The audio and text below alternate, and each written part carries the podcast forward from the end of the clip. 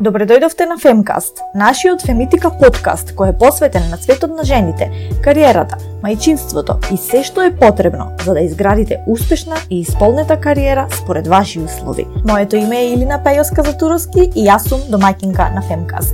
Нашиот подкаст е продолжение на разговорот ресурсите и алатките кои ги наоѓате на femitica.mk секој ден. Ова е подкаст за истражување, неуспеси, триумфи, храброст, страв и пристап на реален разговор кон развојот на кариерата на жените и проблемите и предизвиците со кои жените во нашето општество се среќаваат секојдневно. Секоја епизода е различна и ќе дискутираме на различна тема. Многу често ќе имаме и гостинки и со нив ќе разговараме за научените животни лекции поврзани со кариерата, мајчинството и семејниот живот и ќе истражуваме разни бизнис и кариерни стратегии кои тие ги откриле и од кои сите може да ги користиме во нашите собствени животи. Овој подкаст е за учење од најпредизвикувачките времиња, но заедно, бидејќи едно е сигурно, дури најтешките моменти можат да ја трансформираат вашата кариера и живот на подобро. Здраво на сите.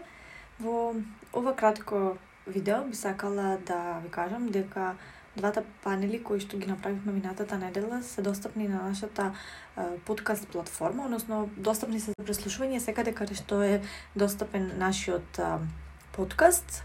Исто така, уште една тема на која што сакам да спомнам, нешто многу кратко. Веќе некое време размислувам да го снимам ова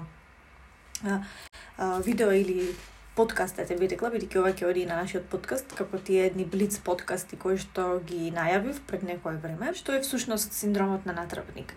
Синдромот на натрапник е предизвикан од неспособноста, би рекла, да се види собствената вредност и колку ние со тоа што го работиме, придонесуваме во остварувањето на, на работата. Всушност, синдромот на натрапник е незнаење да се цениме себе си. Односно, мислиме дека за некоја работа која што ја работиме со години, дека се уште не сме доволно добри да ја извршуваме или дека не го даваме макс... собствениот максимум во извршувањето на истата. Односно, мислиме дека секогаш дека некој а, друг подобро или повеќе знае да ја заврши или направи таа работа од нас. Всушност, синдромот на натрапник најчесто се јавува кај луѓето кои што се многу успешни и кои што многу постигнале во животот и се уште се сомневаат во своите успеси. Всушност, синдромот на натрапник е еден вид на самосаботажа кон себе и е, сомневање во своите способности. Па од тука може да заклучиме дека синдромот на натрапник најчесто им се случува на луѓето кои што имаат долгогодин, долгогодишно искуство во некоја област, а се помалку им се случува, не се помалку, туку воопшто не им се случува на почетниците во било која област. Тоа е затоа што почетниците најчесто ја имаат она а, невиност и желба за пробување на нови работи и докажување на останатите повеќе отколку докажување на на себе си. Додека искусните и успешните сакаат да се докажуваат единствено на на себе си. Затоа некогаш е, не, не сме си доволно добри дури на самите себе. Тоа најчесто се случува кај жените, посебно жените кои што постигнале високи успеси во својата кариера и тие знаат често пати да се доведат до ситуација да се сомневаат во своите способности, дали воопшто заслужуваат да а, напредуваат понатамо, дали нешто направиле доволно добро и така натаму. Всушност тоа и се случува на, на жените од било која а, област и било која било кој кариерен пат и било која возраст би рекла, затоа што жените се соочени со многу повеќе притисоци на работните места и од околината дека секогаш треба да бидат најдобри да го даваат најдоброто од себе и да и, и, со, и на тој начин да да придонесуваат многу повеќе дали во работната средина или во средината во која што е, живеат. Верувам дека сега како што го кажувам ова на многумина од вас би се случило е, тоа да се сомневате дека не сте доволно добри да аплицирате за некое работно место, да побарате покачување на плата или едноставно да да, да почнете собствен бизнис. Но е, синдромот на натрапник е нешто што е, често се случува и верувале или не, и може да им се случи и на мажите, иако е поредко. Е, проблем проблемот е во тоа како да го надминеме. Е, ни треба голем голема поддршка, значи систем за поддршка и е, најмногу самодоверба.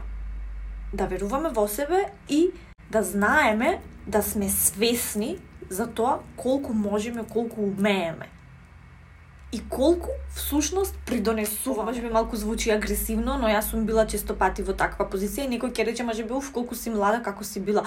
Но јас работам од од мојата 20 година и вклучена сум во работната сила и цело време работам во приватниот сектор и знам колку е суров и колку е напорен и колку треба да да се трудиш да да бидеш забележан односно твојот труд да биде забележан и да биде ценет и а, често пати сум се носела себе си во таква ситуација да да се сомневам во, во моите способности. Е, најпрво треба да се почне, мислам, дека од менаџерите и од тим лидерите на работните места да ги охрабруваат и да им даваат поддршка на вработените. Да го ценат нивниот труд. Најмалку што може да кажете благодарам за тоа што го заврши. Или го ценам твојот труд што го внесе во, во, во задачата. За жал, тоа кај нас се уште го нема. Нешто што мене многу ми помогна беше фактот јас се соочив со тоа колку јас вредам и колку умеам и дека не ми треба одобрување од другите за моите способности. Единствено ми треба од себе си. мојата трансформација започна во ноември минатата година и продолжувам да чекорам кон тој пат, затоа што тогаш решив да го започнам мојот собствен бизнис и затоа требаше многу храброст, но а, мислам дека за секоја голема одлука во животот е потребна голема храброст. И нај тоа почнува пред се со а, верување во себе си и со, о, и запознавање со тоа кои сме на вистина. Ако не се цениме самите себе си, нема да не цени никој друг. Ако се сомневаме во самите себе си, ќе се сомневаат и другите. Се додека ние самите не решиме дека ни е потребна промена и е, ете, ако некоја средина не прави да се чувствуваме токсично и го вади најлошото од нас, а тоа во овој случај би било синдромот на натрапник, до тогаш нема да имаме никаков напредок и ќе се сомневаме во себе си и ќе си наметнуваме е, такви мисли книга која што сакам да ви ја препорачам, еднаш ви ја имам препорачено, е ова на Решма Саджани, Храбри наместо совршени, ја има во литература и тука таа кажува за преминот од една во друга кариера и е, храброста која што и била потребна за да реши да го направи тоа. Затоа најдете вашата совршена средина која што ви овозможува да се чувствувате убаво и добро во врска со себе си. Најдете го вашето обкружување, луѓе кои што ве мотивираат и ве тераат да бидете најдобрата верзија од себе. Луѓе кои што ви кажуваат дека ве ценат, ве ценат вам, го ценат вашиот труд и знаат колку вредите.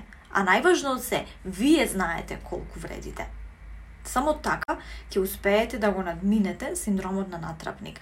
Не е дека јас сум некој експерт и дека јас се уште не се соочувам со, со, со тој проблем понекогаш, но меѓутоа може да се тргне од некаде, а тоа е ако се обкружите себе си со луѓе кои што навистина веруваат во вас и во Дојдовме до крајот. Тоа е се за оваа епизода, драги слушателки и слушатели.